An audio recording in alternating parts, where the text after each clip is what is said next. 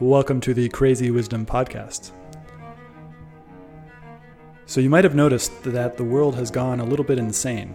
Um, and to get through this in a way that is sustainable and maybe even joyous, we are going to have to find some crazy wisdom, uh, which is why I named the podcast Crazy Wisdom.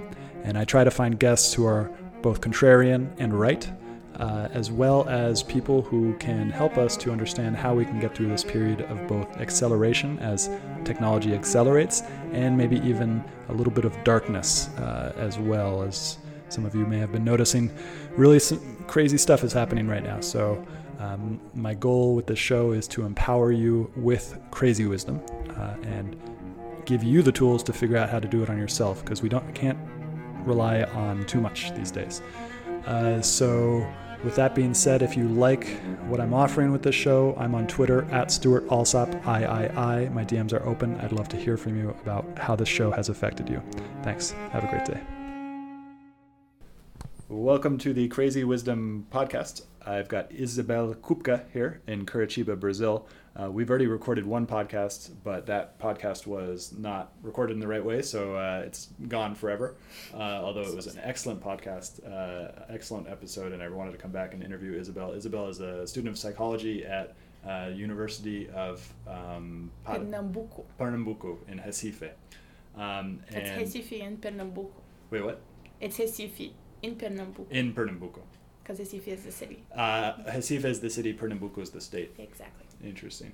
And so in our last conversation, we got really into psychedelics, and I found out that Isabel had gone on three ayahuasca ceremonies, and we talked a lot about like the psychology of behind it. In particular, a question that I've had for a long time about what is the difference in Brazil and the United States between Brazil and the United States in terms of mainstream psychedelic usage, and we kind of came to some pretty interesting insights, particularly that in Brazil marijuana is heavily regulated, um, uh, probably having to do with racism in the favelas and uh, and the way that it came into it. But a lot of the other plant medicines aren't regulated in the same way that they are regulated in the United States. So, the United States, as a federal country, is much more strict in terms of mushrooms, ayahuasca, all these different things, whereas in Brazil they're not. So there there's way less stigma according to those things in Brazil. But that's changing, as we also discussed in California and Oregon, where it's actually being legalized in a way that it doesn't exist in Brazil. Um, and then we also came to some really important understandings of the funding for scientific research on these psychedelics and the difference between Brazil and the United States. And I want to, I've been meaning to ask you for people to interview in the biology departments of the universities here, because I want to, I want to figure out whether my assumption is that it's easier to do that type of research here in Brazil. Um, and I want to see whether it is easier. I, think? I think it's probably easier because uh-huh. I've had access. I think we talked about it. I think uh, to teachers who engage uh-huh. and partake in those kind of studies. So and does that mean that they engage by actually taking the medicines and then doing the studies? I don't know. I think that goes from researcher to researcher. but it's not a part of their research, though. No, usually they. I I, from what I've read uh-huh. and I've seen of proposals, it's more like let's have other people do it and watch them. Okay, but that type of research is happening. Or go to tribes and get feedback from their rituals and stuff. And is this in like anthropology departments or in biology departments? Or psychology departments? My, my teacher is in the psychology department, but I went with an anthropology class to to a tribe Interesting. So you study the tribes in an anthropology class, but then in the psychology classes, you also have professors who are going in and studying these chemicals on as other people are using them. Yeah. Very interesting. For sure. Um, and where do you think I should look for that in terms? So in terms of like, there's they're studying the plants and their effect at the psychological level, but there's also studying these plants and medicines at the um, like chemical. chemical level. Yeah. What's the difference there? What's going on there? Do you know? Yeah. I think it's because when you're going to talk about chemistry and biology, it's going to be very matter of fact most of the time. And then when you're going to go into the subjectivity of the indiv- individual experience of each human being and talk about how something uh, consciousness altering substance affects them, you're gonna have to be very individual. I think, in my opinion. Yeah, well, this is a really interesting question that I've been thinking about a lot recently about psychology. It seems over the last hundred years that psychology has kind of seen what's happened to science in terms of biology, physics, and all these different things. And uh, I think in the mainstream consciousness, science has taken on this this like leviathan type of thing that everything else now has to pretend that it's a science, even if it's not. And psychology, psychology as a science I don't think is fully fleshed out. I don't I don't think this subjectivity of a human experience can be studied in the same way that science can uh, study uh, biology or, or yeah, things like that. What it's much more relative. Mm-hmm. Of course, you have like behaviorism and things that you can. What is behaviorism? Behaviorism is basically the analysis of behavior, and you don't really consider much else. And that was the like Pavlov uh-huh. and the dogs that uh, drool with the bell you yeah. know and that is was like that was the or I guess that wasn't the original psychology because original psychology was back to Freud and I think that would have been pretty much total subjective kind of yeah. he wasn't trying to apply the scientific yeah he wasn't trying to apply a scientific method to the science but then the behaviorists came along and all of a sudden they were like okay we're going to just study this behavior part and test the dog and like and and and then we're we're we're going to turn this into a science and then some really horrible stuff happened in the United States and Europe from that, applying this like strict objective method to subjective uh, mm-hmm. human experiences. For example, like uh, orphanages in, in, in the United States, uh, they would basically just study the behavior of orphanages, but they wouldn't actually give them the nurturing required from from mothering, and based on these crazy things that the behaviorists were talking about. Exactly, it's very brutal. Mm. Like I'm not saying it doesn't work it can really help people that have like behaviors uh, have problems in habits or compulsivity or things like that. So there is like uh, I know everything in Portuguese. I'm gonna try it. Uh, but they have the I think it's behavior. It would be behavioral therapy. Uh huh. Behavioral therapy. Yeah. Uh huh. That they they focus on the behaviors yeah. and you try to, to, to give people feedback on people's behaviors so that they can change the behaviors exactly and then they kind of I, I haven't really studied that profoundly mm-hmm. mm-hmm. into into behaviorism and those techniques but i'm i, I know they, they work and depending on what you're looking for in mm-hmm. therapy it mm-hmm. might help a lot but it shouldn't be the only thing being analyzed or interesting talked about and I agree. And it's the going back to this kind of subjective relative reality, this experience of existence that each of us has, but then is also somewhat unique. But then there are patterns like these behaviors kind of can, can come together and figure out what the patterns are that kind of. Well, even the unconscious has unconscious. Yeah, yeah. unconscious has uh, patterns. Like we know people have similar dreams. Like people in Japan have dreams of their feet, teeth falling out, and so do people here. So different cultures they never met, but apparently somewhere symbols are similar. And this gets into something really interesting that John Vervaeke talks a lot about, which is the uh, universals among cultures are something to be studied because if it's universal among cultures across time and space, then it probably means there's something significant in there in that behavior side, that objective, like this exists in all humans. So it probably points us to something very interesting. But then I would say that the expression of those things is then changed through culture and all those different things. Oh, very much so, mm-hmm. I believe. Mm-hmm. And we talked about this on the last one, which is that there there there is a trend going on in the United States, maybe here too, that is going to be interesting to recapture that moment. But the Western rational scientific enlightenment tradition basically went and destroyed God, so it destroyed our, our ability to connect with with uh, larger purpose, larger context, and, and, and connect with other people around that. And so, among young people in places like San Francisco, they're basically taking a bunch of psychedelics and then thinking, okay, well, these psychedelics do something to allow me to connect with with with everything. Mm-hmm. Um, let me go back to the tribes where these substances were taken in a traditional sense and let me let's go back to that because that has more wisdom Mm. than than than what than my Western scientific rational understanding is. So let's just d- destroy all that. But I think I would say that that is also a, probably a misguided approach.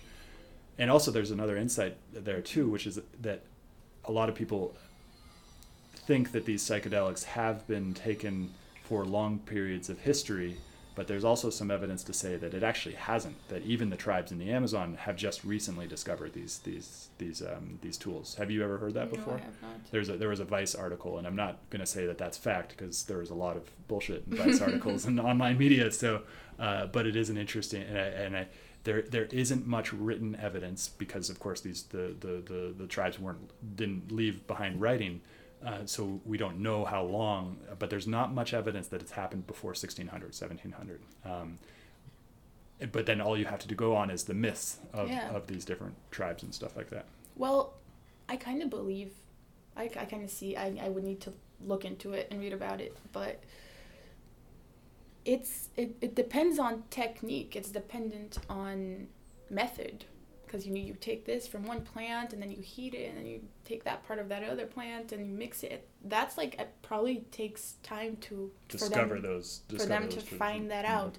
It wasn't. We talked about the mushrooms that are much more easy of easy access, which then you would have to. It would be harder to convince me because if they're just there, anyone can just access them.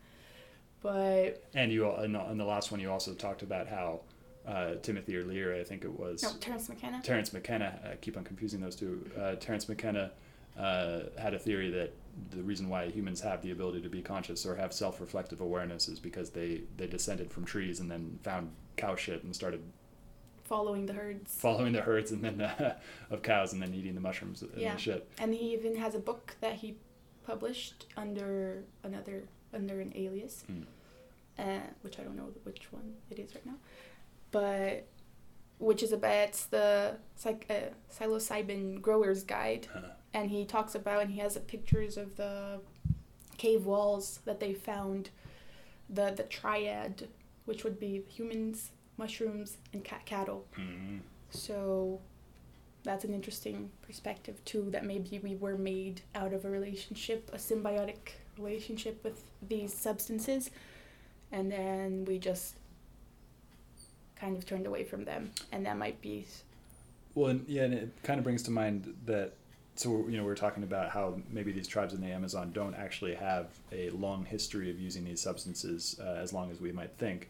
Uh, but then we, in order to check on that, we then go back to all recorded history of any sort of substances, like for example, uh, c- cave drawings, like cave drawings of mushrooms, um, in like in Greek, Greek and Indian. Um, scriptures they talk about you know in in in I think it was Greek Greek they talk about soma or that might have been Indian no, no that was that was Indian scripture. They talk about soma which is like this plant medicine that's just like supposedly like you know will take you to heaven and all these different things. And um, and so the, and then cannabis of course Mhm. most people don't know that assassin the word assassin comes from hashishin uh, which is from hash. And so the the the in the Middle East, you had assassins who were given hash in order to make them more likely to fight violent um, uh, wars with people and go in and assassinate people. Uh, by smoking hash yeah, yeah, eating hash, What? eating hash, yeah, yeah, yeah. that Uh, should make you relax yeah.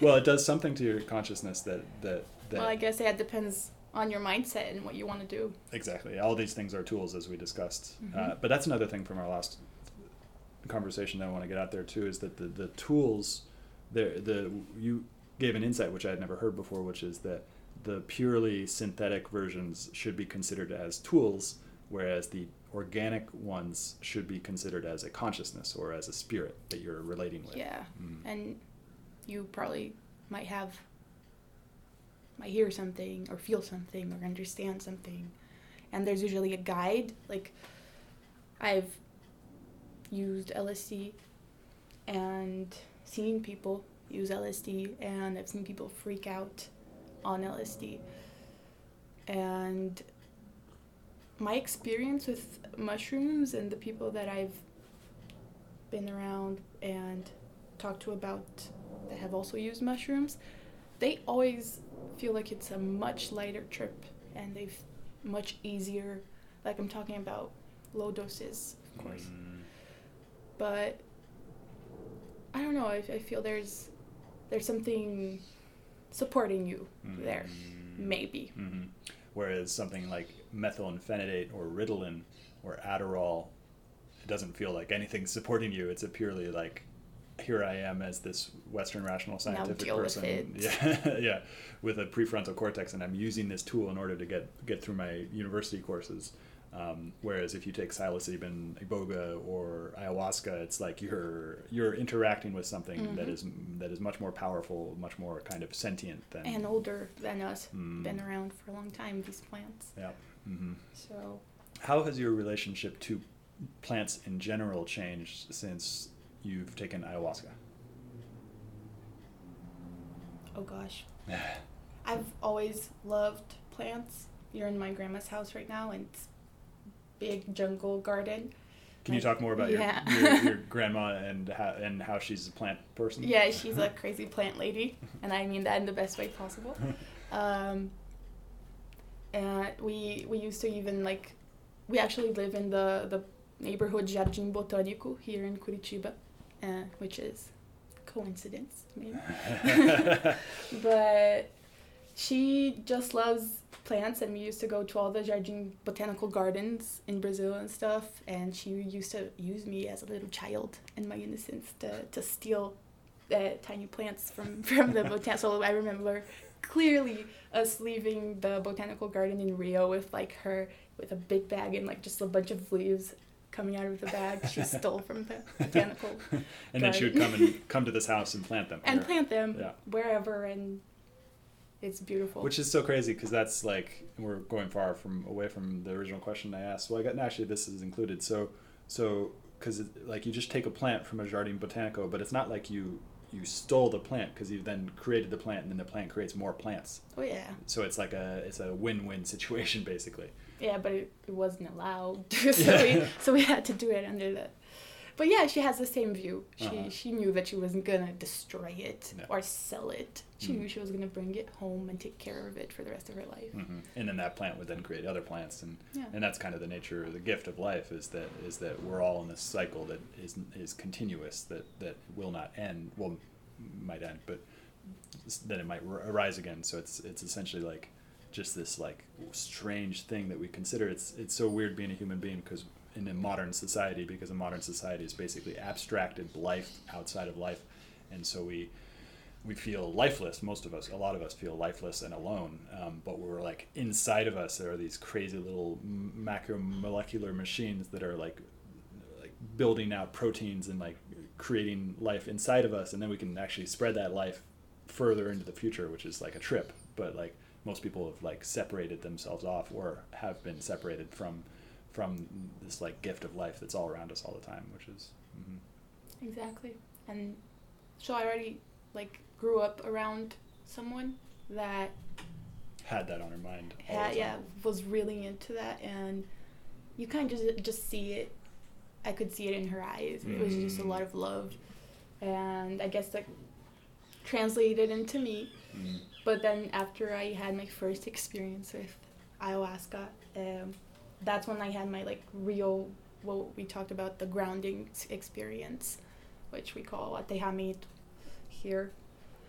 And i just remember being so happy, so fulfilled, so I, I remember smiling and laughing, and of course there are other people who have other experiences with ayahuasca, but it was beautiful. I was just laying on the ground in the middle, of a forest, looking into the trees, and nature is the best visual, always, and you feel supported. I feel like that's it. I feel like you have that even if you're all alone in your life. Mhm. And we all exist alone, Mm. eh, essentially, you know. Um,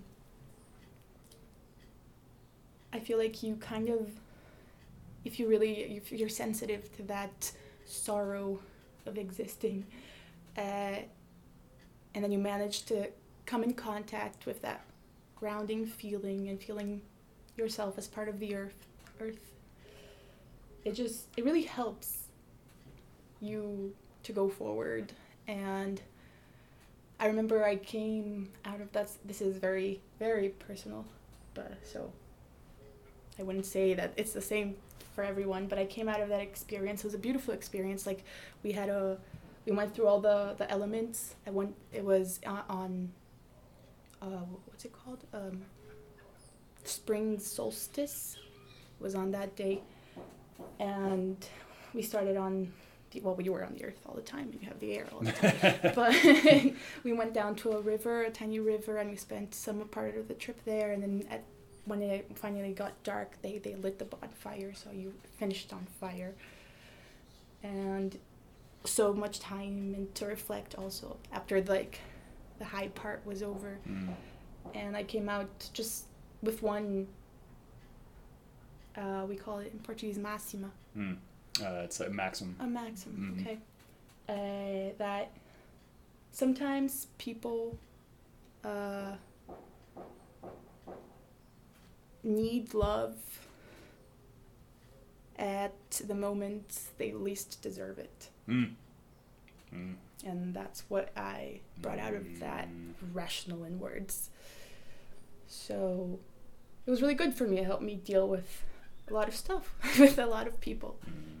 So this is something I've heard a lot and I've experienced a lot as well. It's uh, particularly with iboga, um, is the somebody I, I, love all the random stuff I've read on the internet and the some of it that sticks. And I remember somebody reading, ex- recounting their experience of ayahuasca and uh, being like before the ayahuasca trip, they had all these expectations of what would happen in the ayahuasca trip. And then ayahuasca, the spirit of ayahuasca, then said, "Screw all that." you got to figure out how to love yourself never first. expect anything yeah anything because they'll, they'll, they'll just play around with you yeah they don't care but that and that what you said about the fundamental uh, that you had to figure out how to or you were you needed that love at the point at which you were least deserving of it you felt least deserving of it and that's like so very common in our society is that we have like it's the ego game too because it's like ego creates this world in which it's unloved um, but that's just all an illusion. Mm-hmm. And then in order like to all these games have to be given up essentially, and then that's what these plant medicines can teach us because those those spirits, those consciousness, those the sentient character of, of the of those experiences like just whips that in the face and slaps you in the face sometimes very harshly saying like no you are loved you are important but also that means that you have to take responsibility for your actions you have to take responsibility oh, for yeah. these things basically yeah mm-hmm. and become an agent mm. of, of that maybe. Well, which is trippy because if you start to think about plants as there's a bee flying around us right now. um, uh, oh God, it's gonna sting me. Um, so, uh, so if you start thinking about plants as sentient beings, um, then you have to question. Well, maybe they have motives. Maybe there are motives under those sentient beings that might not uh, coincide with my motives as an individual human being, or as an even as a community um, and this is where you get into like why some of the religions might consider, and maybe why even the governments. We talked about it last time, 1960s, when when Nixon mm-hmm. outlawed outlawed, and the reason why we've lost so much time and so much research in, in terms of getting these things out there is that governments and religions have a certain amount of fear um, of these substances because they have things that happen that are uncontrollable, basically. Yeah, and they change values many times and not and they're not the consumerist values. so I guess leaders and people that value money wouldn't really want people going into that mm. and having mm. no material things to show for it. Mm. Maybe, in no. my opinion. and then, so, but do you think there's a negative side, or or or that some of these if they are sentient, some of these plants have goals that might not necessarily coincide with my individual goals. For I mean, for example, we we talked we talked about how that the ego goal of like mm. wanting to remain unloved uh, uh, that gets shattered. But are there any other types of things that might like that they would steer us in a direction that would be bad for us? Yes. Mm-hmm. No. Mm-hmm. Well, that's my. It doesn't feel like that. But no. Mm-hmm. Mm-hmm. They know. how much we depend on each other. We are the ones that created this whole mental structure to be able to cre- talk and communicate Mm. and be social because we also depend on that as a species. Mm. So yeah, I think Freud talks about in uh, I don't know the name of the book in English. Um, In Portuguese, what is it? Mal-estar na civilização. Uh, the un, un, not well-being of civilization. yeah, we can look that up later. It, it probably has a translation. I just don't know. But I, the conclusion of that book is basically civilization is the cause and aggravator of neurosis. Uh, interesting. That came from Freud. Um, and that's just yeah the way we live kind of kind of makes us crazy which ties back to what i heard from these indians which the name of the tribe is kapinawa by the way just to be more specific and this is a tribe in the Amazon that you went with no, your no, in. Pernambuco, In Pernambuco. in the interior Uh-huh. no sertão Uh-huh. which is i don't think there's a word for that in Uh, English. Savannah. no it's like the dry part Uh-huh. like in the inside of the of the state Interesting. And so there's a tribe there, and what did you learn from the tribe about the civilization? Well, I went there and then we, I, I kind of like uh, ministered a little, ministered no, but a little workshop or a presentation, whatever, with what we were talking about, the man of knowledge uh, of the Who would tribe, who would, most people would call a shaman. a shaman, but Mhm. they call, they The say man of knowledge. it's not like in that culture, that's what they called. And and several others and I talked about rituals, plants and spirituality or subjectivity at the time. And it was just because I, I introduced to them, I talked to them about my experience with drugs and how it happened and how I went from one to the other and then ended up thinking of what I thought. and in the end, they basically like agreed with me. They were like, yeah, that makes sense. We agree because they're trying to get back their culture. Because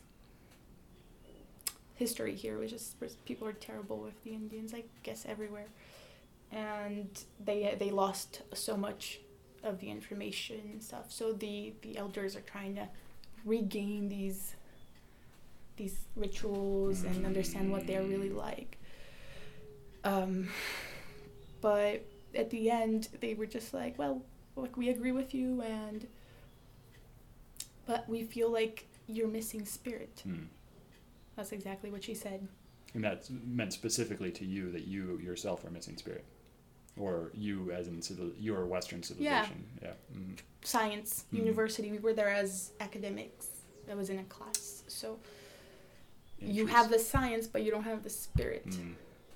And I'm like, and that's when we started talking that I said I, I had that reflection about if we are going to bring it, if it if it helped, if it can help all human beings, or potentially, Mm. yeah, um, what would be better, and what to what degree do we bring one to to the other, you know? How much do we change of each? Because I feel like the cultures are so separate at this point Mm. that it's like you were saying, you can't just just put a Westerner in. Copy and paste. Yeah, and then expect him to understand everything that's going on, Yeah. and it's absurd for an Indian how we live. Yeah. I told, I think I told the example that they said it, it, they laugh, they laughed at the fact that, for example, people live in buildings up in the sky, and away from Earth. And it makes sense. Like in their view, I guess for us it's super normal and logical for to live in an apartment, but they were just like scoff.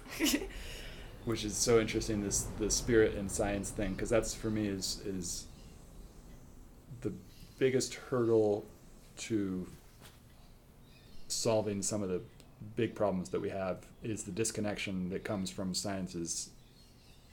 Uh, what a lot of some people I can't remember who talked about the acid- acidification that happens from specifically from Darwin's uh, evolutionary theory that it just dis- dissolves any sort of explanation that life is not random, uh, uh, that the forces for which life exists are all random, that, that the stars, the planets, they all are moving according to random forces um, uh, that we can measure and that, that explain all those. And then not only within the stars, but also life itself um, at the molecular level is a bunch of random forces all moving together. And so that, like, just destroyed our ability to believe in a uh, godlike being uh, that was maneuvering everything according to his will. Um, that just like destroyed it. And so the because Western Western has a strong tradition of spiritual spirituality, like it's huge, but it's tied up with God, with with this being as as um, and that might actually be some of the reason why in San Francisco and what's called California transformational psychology started to look at Buddhist and Hindu scripture because there was that God there figure that well as well. But if you go back to the axial age, the 400 BC, the they not only had that, but they also had a nihilistic uh, kind of like understanding of life as well, and like all of the philosophical potential philosophical understandings of God and anti-God were all hashed out. Uh, so there's a lot of stuff there as well so that might be why there's this turn to go to the east but it's all i think it's also part of the same thing that i was talking about before which is that western spirituality or western science destroyed western spirituality and then so we as human beings who still have that fundamental universal need for spiritual understanding have basically gone and and tried to take it from other places and where that yeah. might not work. What do you mean? Well i was reading i'm terrible with names. Um, what was the idea? I'm gonna say Heidegger, mm-hmm. and it might not be him. I'll find it out later until. Uh, he he was talking about how philo- we we are philosophical beings from the very moment that we begin to learn language, mm-hmm. and how that establishes a pattern of working the brain. I don't know, and talking and thinking about things, and your your alphabet, the the symbols you use, the symbols you were sy- systemized, I don't know, to use, that affects everything. Mm. So when you you don't just become a philosopher, like according to what he was saying, when you go into a philosophy course, Mm. but you've been. Inter- so what you're saying is that part of this bootstrapped uh, or part of this developmental process of a child being of a child is that there's language through the language they understand themselves and through the world as a core component of that language part there's philosophy Mm-hmm. um, and and so you can't say that philosophy only happens in this abstract strange way which leads to another question is like why is So like if you switch to another culture, uh, uh, the interpretation is just a whole different one. The lifestyle, like it might be, we might be trying to get at the same things, but it might. That, that's what he was proposing. Might be easier for you to stay in your Mm. in your lane. which is interesting because I've spent my I, I, I, I was born into California transformational psychology so from the very beginning that was my culture and that that culture says that basically nothing from Western the, the un, the un, unconscious assumption of that of that culture says that uh, nothing in the West is good. Uh, that nothing that we've come up with is good. So we have to basically go to all these other places. Um, that might be a over dramatization of my childhood, but but Uh-huh. that was that was the message that I was given as a child. Was that basically uh, uh, Western culture is is empty. Uh, go find other cultures because they have more It's because we're very scientific. Mhm. Like we we I've learned in school about the three narcissistic cuts of humanity. Mm. The the first one being Galileo. Hmm. Galileo. No, uh, what's his Copernicus? Wait, did you say narcissistic cults? Cuts. Cuts, Or, or divisions, Yeah. division. Yeah. Mhm. Exa- I'm sorry. No problem. Uh, because he was the one who kind of proved that the Earth didn't wasn't the center of the universe, and we were just going around the sun, which isn't even the center of our. Well, I don't know. I don't know if they knew that back then. Back then, but he kind of proved that, and science and church. Well, well, Mm. we didn't really have science yet, but church, religion, kind of put the truth about the physical world out there, and that's what people believe. And then Copernicus was like, "Nope, I can prove with the shadow, and if I go here and there, and the Earth is not flat and stuff like that. So that was the first like, oh, but humans, because we were pure ego. Religion is basically a manifestation of that and the way they thought. And that was, oh, we're not the center of the universe, okay? And then Darwin. Mm. Darwin? Darwin. Darwin, I'm Darwin. sorry. uh, he was like, we're also not made by the hands of God and just put there on earth. You know, we came from monkeys or whatever. And it was really hard for some people to, to admit that, like, because we thought of ourselves as like Superior a to other, yeah, not Yeah. animals. we even use the word humanitarian as like a really good thing, you Uh-huh. know, like anim- animalistic is A like human humanitarian can't be evil because they're yeah, humanitarian, you know, but we yeah. use the word human as inherently good. yeah. uh, And uh, what? uh-huh. And then last but not least, it would be Freud Mm. that Mm. finally said, "Hey, maybe you're not that much in control." you got this unconscious thing. Yeah, and that was even worse because a lot of people at that point were like super rational and rationality and And Uh, then, what's you know, and then soon, soon after Freud, we had that rationality lead to millions and millions and millions of deaths through through applying Darwin's uh, understanding of genes to Oh, yeah. to a human population. Yeah. Um, why why are they nar- nar- oh narcissistic divisions? So each why what does what's the relationship between that and narcissism? Well, it's like the destruction of the cultural idea that we are super Special. freaking important Uh, and the center of the universe and made by the hands of God and in control of ourselves a- of at any moment and all moments. which is so interesting because that that it leads into something I think a lot about, which is called the via negativa. Negativa. That if you want to improve your life, you probably want to do that by subtracting things rather than adding things. Uh, for example, uh, um, uh, a lot of people go about health through adding vitamins to their to their life or adding uh, new habits or adding, but then like it's really most of them are the negative habits that you want to get rid of. Uh, for uh, for example, like wa watching TV. Nothing wrong with watching TV, or nothing wrong with social media. Nothing wrong with consuming this much media. Um, but there is a point at which it becomes a uh, addiction and the same same thing. And so, like most of us are addicted to ego. And so, what you're saying is these three things did that at a societal level or a civilization level, where it was basically it gave it removed the um, removed the justification for believing that we're special as human beings as, as somehow Mhm. se- separate from As life or yeah, like that's really interesting it's going to take me a while to integrate that um, yeah, and then like we were talking about the cultures Science. different cultures yeah and Mhm. the division and how in the West, uh, it's just we we really look and value science and Mm. facts and that's why like the church was so they didn't they couldn't do anything about it. They were they just had to admit yeah we were wrong. If they wanted to keep themselves as a religious institution if they wanted to remain relevant. Exactly. They had to because it was proven. Mm. and I feel like uh, that's this is really my opinion, but I feel like in the East and like Buddhism and things like that, they're not that. Uh, they don't need all that proof sometimes or well it, it happened in a in a it happened in a in a different way. yeah and it, well in a, in a cultural context where the the idea of proof didn't rest on any sort of uh, objective truth so Yeah, the- like the- they yeah. like their their teachings are like proverbial Mhm.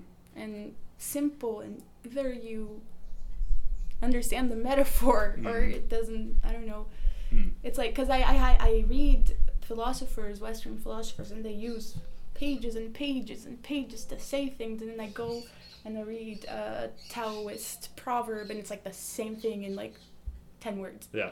And i'm like yeah.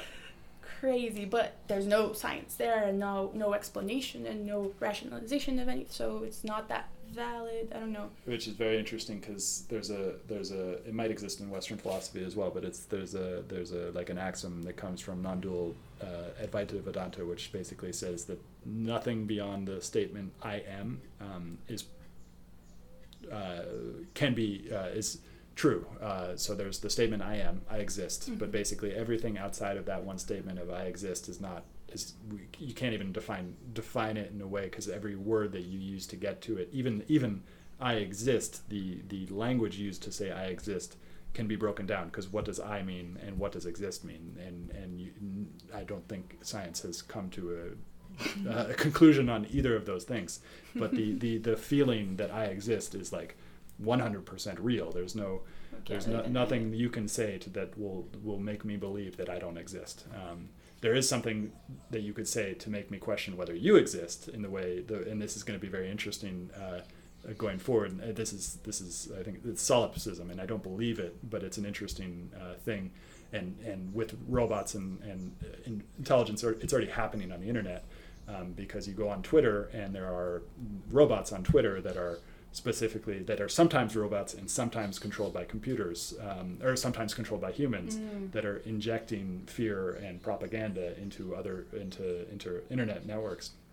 Um, so we're already having to deal with this this question of like this thing on the internet. I don't know whether that thing is a state actor. I don't know whether it's a human being Mhm. or I don't know whether it's a robot. Um, and so uh, uh, we're already kind of getting into this thing, but I, but I exist, so I know that, and I want to show Yeah. you that you exist, and I want to I want I want to you know maybe like evangelically kind of tell everybody like go into that feeling of existence more because that will everything else happening all this crazy shit that's happening the more that you connect with that existence but leave out any sort of justifications leave out sort of any sort of explanations of what it means uh, and just Mhm. feel that existence the more that your life will become magical That's something we talked Mhm. about last time. Is also the fact that maybe there's some stuff that we we're not made to understand, Mhm. yeah the unknown unknowables and we really try hard Mm. because science, and we want to figure everything out. because the ultimate aim or the ultimate um, kind of like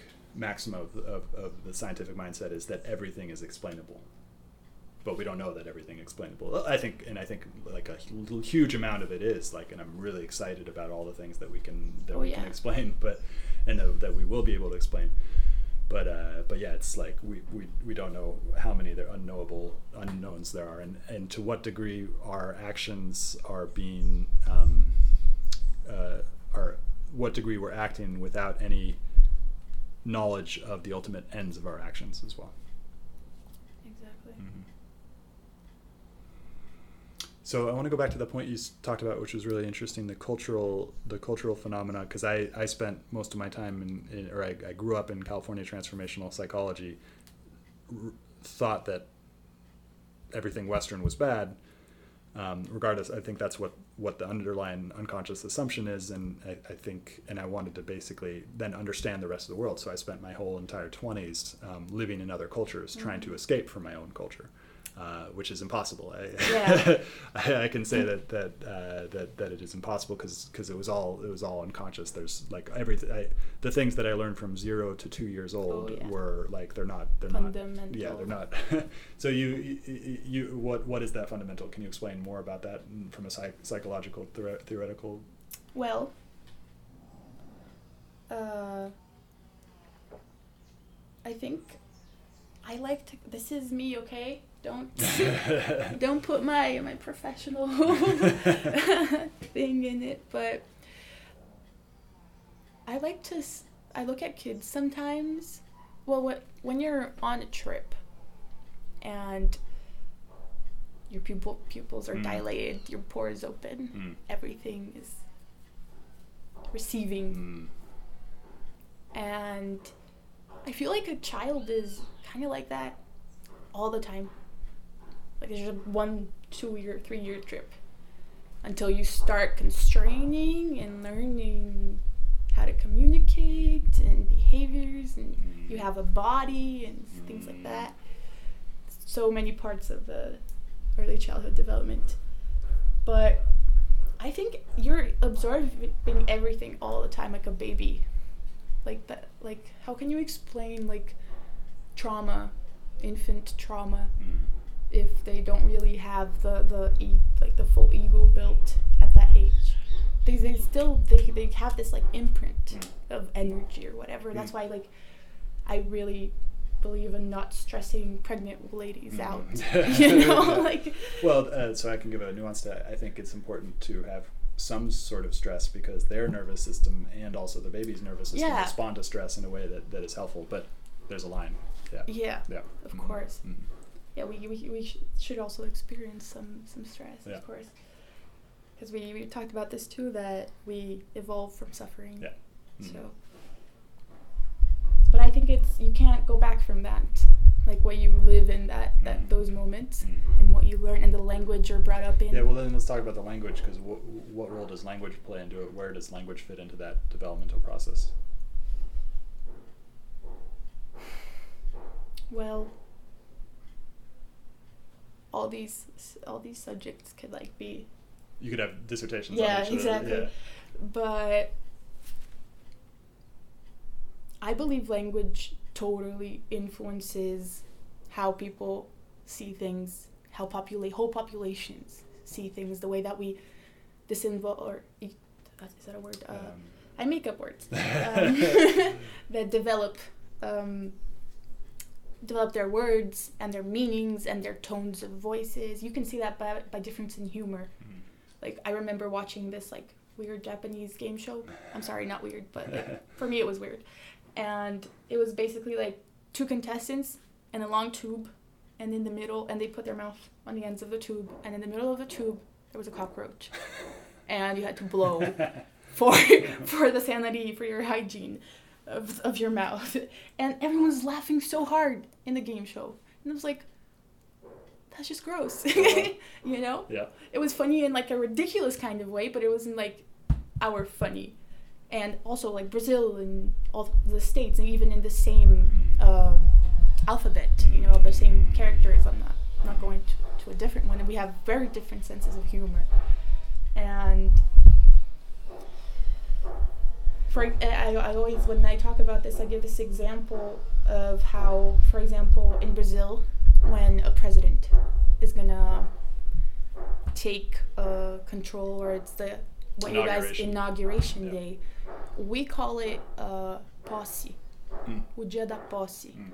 possession so do you like do you understand how Yeah. that over like centuries Yeah. of Portuguese and government, the Yeah. idea that a president possesses something, that's that can change the subconscious understanding of everything in politics and how you see the president and how the president sees himself yeah.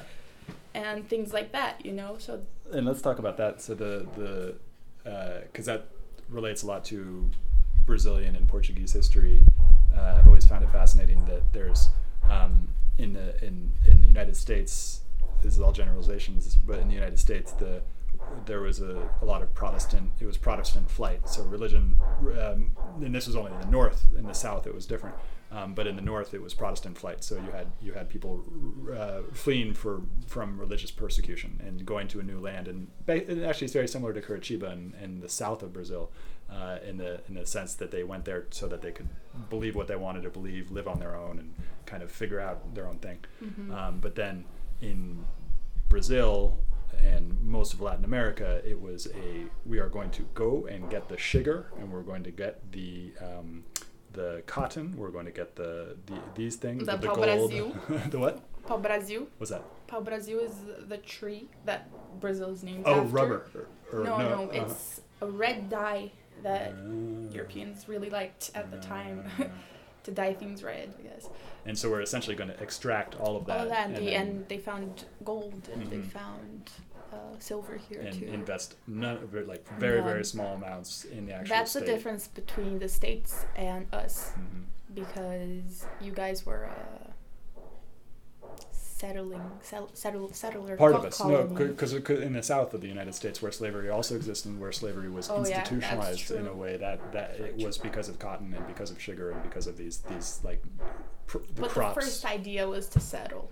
Or in the north. No no in the No? south it, it was it was dependent on on, on yeah the on the and that's i mean that's in the history of slavery in the united states is a history based on that exact thing that you're talking about that that the the the and it was the british who went there too which is really interesting because the british went both to the north and to the south but in the south the economic and demographic and geographic kind of uh, the hot weather Mhm, created a crop a that. crop situation, whereas in the north, very unfertile like food, you could grow food and you could grow dirt, um, and then basically that was it. Uh, and so there was no economic incentives to create things, and but that's actually what led to the industrialization in the north, Mhm. whereas the south didn't have the industrialization. That's where the Civil War was fought, essentially because you had these two Yeah. economic Usually interests. the cold like develops faster because you have to protect. Mm-hmm. which gets into a very weird side train of air conditioning and the, the effect that air conditioning is having on all over the world. That if you introduce air conditioning into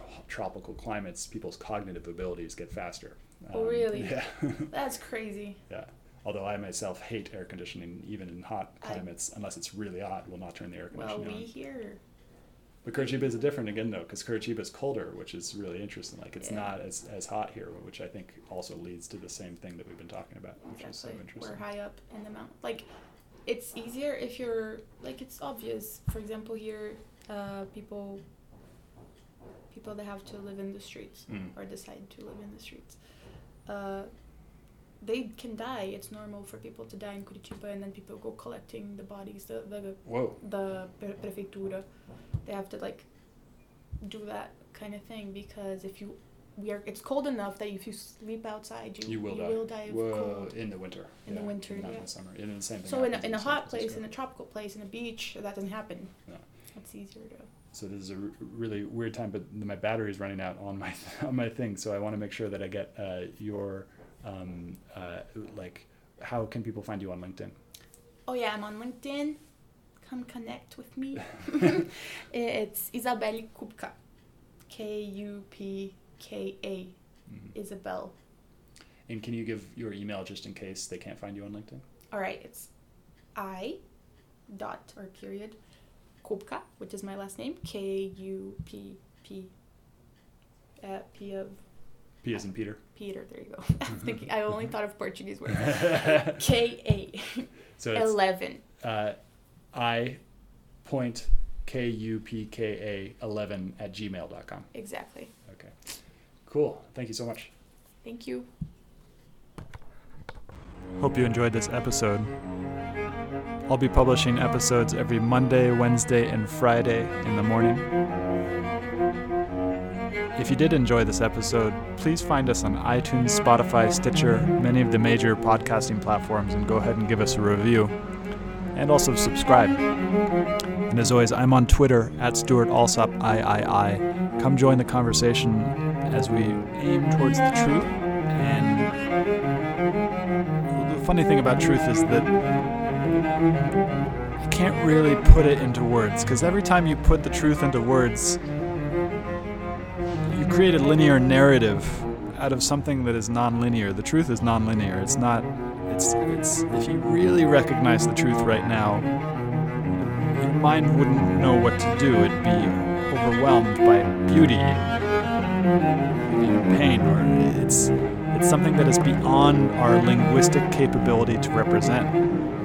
But that doesn't mean that the language isn't helpful. Language can point us in the direct right direction, but it's it's not it's not the truth itself. And so come join this collective inquiry into the truth. Find me on Twitter at Stewart Alsop III. Uh, subscribe to the podcast. Share the podcast with your friends. Uh, most people don't have the ability to let go of this linguistic understanding of the way that the world works and just aim for the truth regardless of what the language tells us. Uh, and so I think what I'm doing with this the show is is necessary for us because as we enter this stage of uncertainty uh, and we are most definitely entering an age of uncertainty. And as we do, it's really, really important that we stop paying attention to what the mind is telling us all the time.